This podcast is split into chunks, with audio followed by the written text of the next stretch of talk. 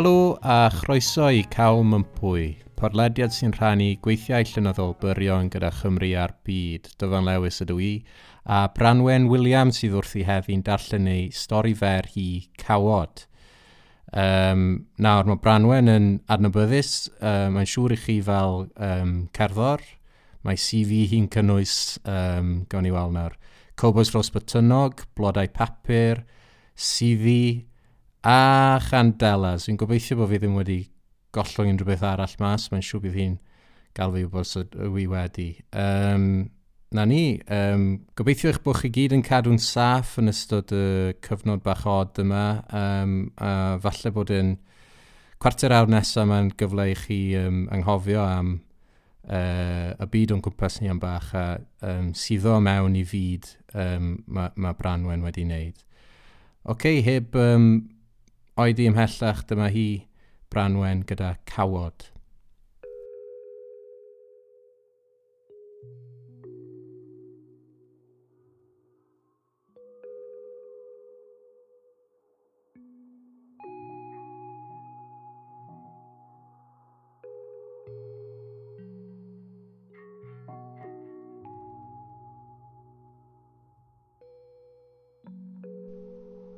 Cawod.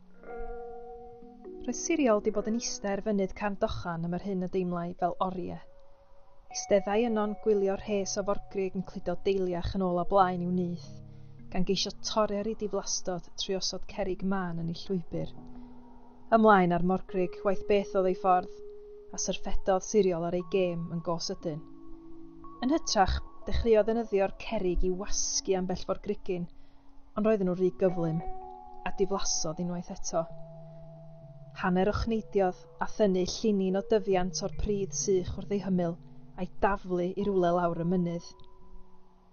Dim ond chwarter awr oedd wedi pasio ers i siriol gyrraedd y mynydd mewn difri. Chwarter awr cyn hynny roedd wedi penderfynu chwarae un o'i hoff gemau newydd, sef gadael cartre am byth. Yn y car ar y ffordd adre o'r ysgol, roedd ei chwaer fawr Ceri wedi mynnu deud yn dawel wrth ei mam – sut y bydd i nadu siriol rhag mynd i drwbl am sa chwarae am gicio pêl yn fwriadol i wyneb predur. Beyond dy dim iddi fynd yn baffio ar yr iard, ond diolch i Ceri, cadwyd y ddesgyl yn wastad. Roedd ei mam wedi taflu sawl golwg filain arni trwy ddrych blaen y car yn ystod cyffesiad Ceri, gan wthio i gwefusau sychion at ei gilydd. Sawl gwaith sy'n rhaid i ddeud yn ddiweddar siriol, nid job Ceri dyd warchod i fel babi bach. Wel, dyna ni, dim mwy, dim iPad, dim ffair bala, dim byd. Ciciodd siriol gem set ei chwaer fawr a gwingodd tu ôl i'w gregus, heb weld y crychau dyfnion ar wyneb i mam. A prep! Hisiodd siriol. Dwi'n eich casau chi gyd. Yn sydyn, tarodd ei mam ei throed ar y brecs gan droi yn ei chader i wynebu llygaid siriol go iawn a daeth ei geiriau yn un llinyn hir bygythiol. Yli di, siriol non, mae ddigon blydi anodd heb i ti dynnu miri dy ben. Mae'n un peth rôl llall gen ti'n ddiweddar, heb feddwl am neb arall. Trodd ei mam yn ôl i wynebu'r ffordd, tynnu anadl hir o grombil i stumog a gostwng ei ffen yn nes at y lliw am eiliad, cyn ail ddechrau'r siwrne teg adre i'r tŷ gwag. O Siriol yn casau meddwl fod ei mam yn dechrau colli arni yn stopio ceir yn ganol lonydd, Ac eto, roedd hi'n hollol anheg mae hi oedd yn cael y bai. Drychodd drwy'r ffenest, gan deimlo'r ysfau daflu ei dwrn drwyddi. Fe wyddai heb edrych y byddai Ceri yn eistedd yno fo'i wyneb dim byd. Ofn pechu siriol, ofn poeni ei mam, ofn ei blincin chysgod. Trodd ei mam y radio'n uwch i rwystro rhyw siarad pellach, a brysiodd gwyrddni penanlliw o'i cwmpas unwaith eto allai siriol ddim cadw i bysen yn llonydd, a gwasgodd y botwm agor ffenestri dair gwaith, a theimlo'r awel yn oeri ddalcen. Roedd y gwanwyn hwnnw wedi bod yn eithriadol o sych, a'r dyddiau'n llawer poethach na'r arfer, nid fod yr un o'r dair di sylwyr i'w lawer. Roedd y lleisiau i'r radio'n mwmian o'i cwmpas, trwy'r car fel gwenyn meirch. Rhywbeth am dan ar fynydd yn blaena, criwiau tân yn o'r steidydd, ac yna'r tywydd newid i ddod. Ymlaen ac ymlaen, bla bla bla, tra'r hosau siriol yno'n berwi. Trodd y car oddi ar y lôn droellog tuag at flaen y tŷ, ac fel diwedd pob taith o'r ysgol ddiweddar, daeth llais ei mam fel paned oer. Newid, te a gadael mewn hanner awr, mi fydd dad yn aros. Ond sgrialodd siriol o'i sedd, cyn i'w mam godi'r breg llaw a rhedeg trwy ddrws blaen y tŷ tuag at ei llofft. Taflodd ei gitar fach ar ei gwely a gwrando'r y cord ansoriarus yn tawelu a dod i stop. Arhosodd yn berffau llonydd yn clustfeinio ar ei mam a Ceri yn mynd i'r gegin. Roedd hi'n gwybod na fyddai'r un o'r ddwy yn dod i chwilio amdani, felly gallai sleifio drwy'r palwr ac mynd trwy'r cefn yn rhwydd. Roedd ei choesau wedi dechrau brifo erbyn cyrraedd hanner ffordd tuag at gopa Cam-dochan, a danadl poethion 'di pigo'i ffêr.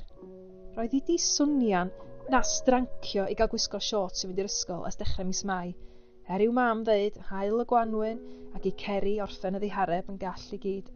Ond gwisgo siot naeth hi, a'r trip hwn i Gamdochan yn ychwanegu rhagor o sgriffiadau ar ei choesau pinau.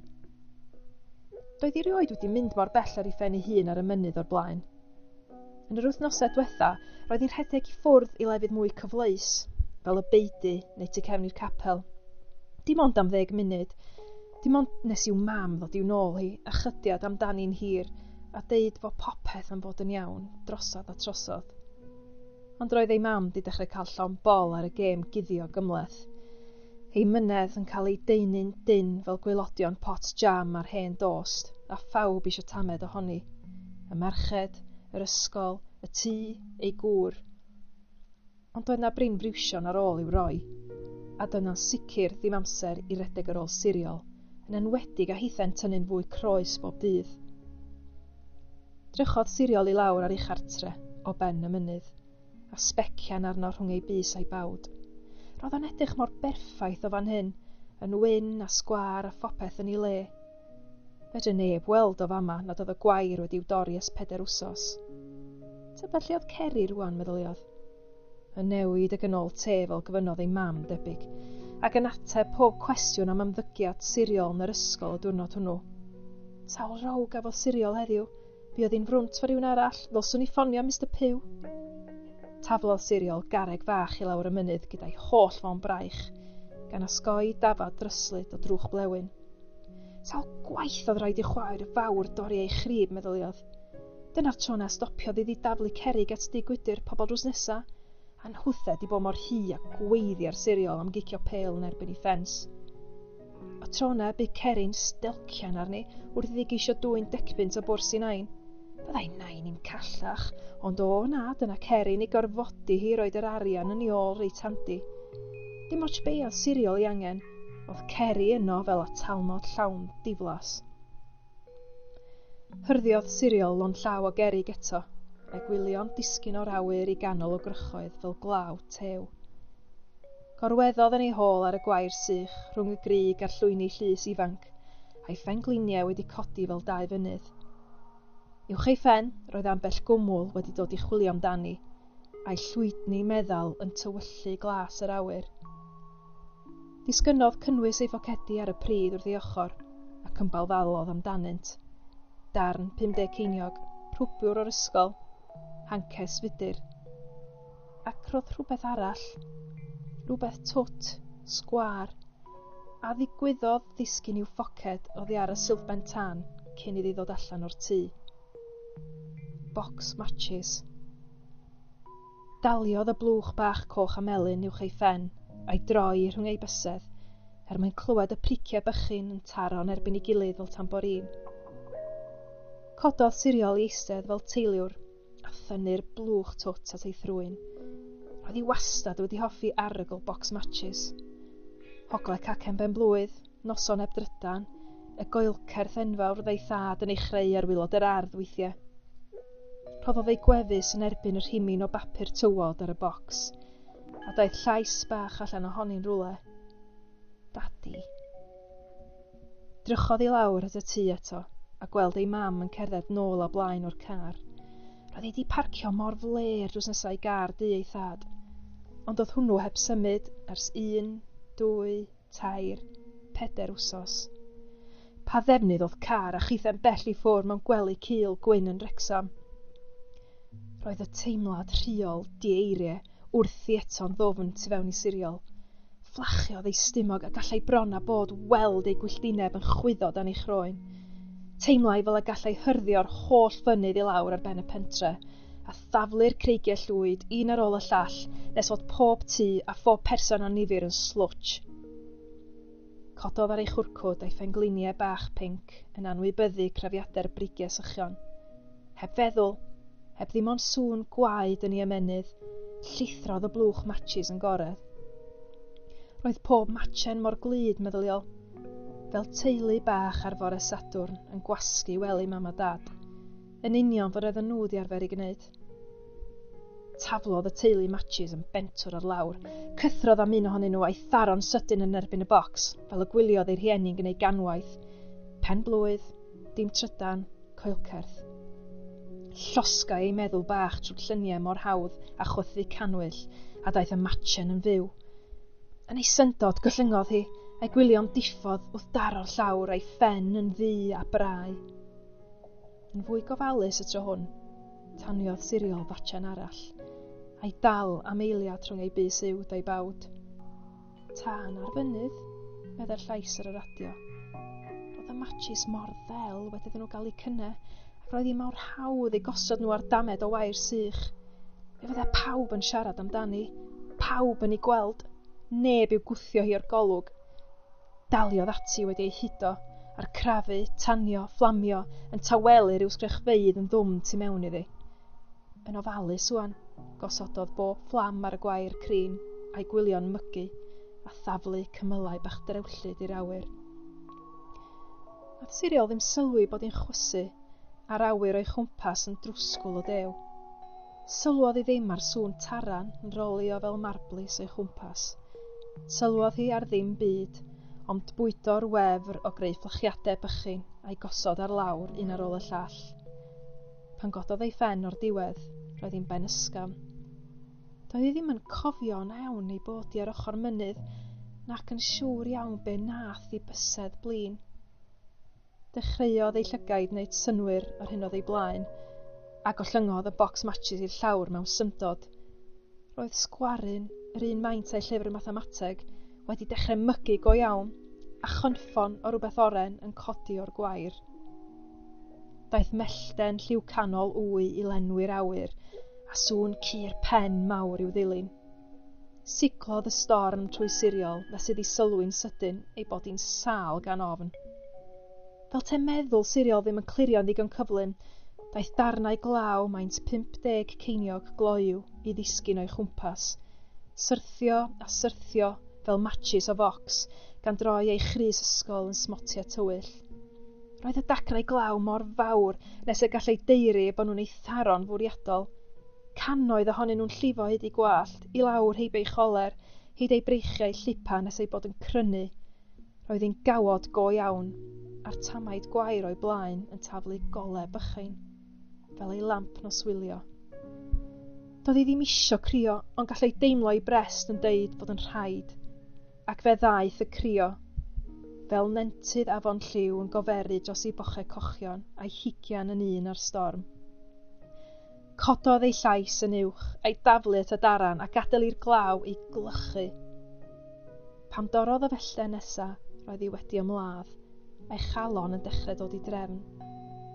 Gwyddai'n berffau sicr nad oedd i fod ar ochr mynydd ar ei phen ei hun, a cofiodd fel tasau wedi glywed o 5 munud yn ôl, ei thad yn deud nad oedd i fod i chwarae fo matches. Siriol? Dath llais distaw allan o wynt o rwla i blaen. Cododd ei ffen yn sydyn ac yno'n sefyll mewn cos law goch roedd oedd Ceri drychodd ei chwaer fawr arni'n ffwndrus cyn iddi weld y tamaid gwair yn mydlosgi yn y glaw. Yn dawel, pwyllog, penderfynol, fe giciodd y gwair nes bod y gwreichion yn gelain a'r llawr yn ddu fel ei sgidi ysgol. Gwyliodd Ceri ei chwaer yn y glaw. Wrth iddi blygu wedyn i godi pob matchen ddu ac oren, yn saff yn ôl i'r blwch, yn saff fel teulu blinedig mewn gwely, mam, dad, ceri a siriol. Sychodd siriol ei thrwyn gyda chefn ei llaw, a chodi'n Simpson i wynebu chwaer fawr. Pa bynnag ryferthwy oedd yn mynd trwy feddwl ceri'r eiliad honno, gadawodd iddo basio, a gweld dim byd ond i chwaer fach ddryslyd oedd yn wlyb at ei hesgyr. Tynnodd Ceri ei chot law a'i rhoi o gwmpas siriol mewn un symudiad. Roedd edrych ar ei hôl mor naturiol a haf yn dilyn Gwanwyn, hael ar ôl glaw. Tid adre, meddai Ceri wrth droi ddechrau cerdded.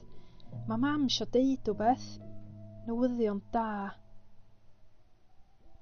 Wrth i'r storm dwall ddiweddillio o'i cwmpas, dilynodd siriol ei chwaer fel llinyn o forgrug i lawr y mynydd. Dim ond dwy chwaer yn deall ei gilydd ar ddiwedd gêm hir o guddio.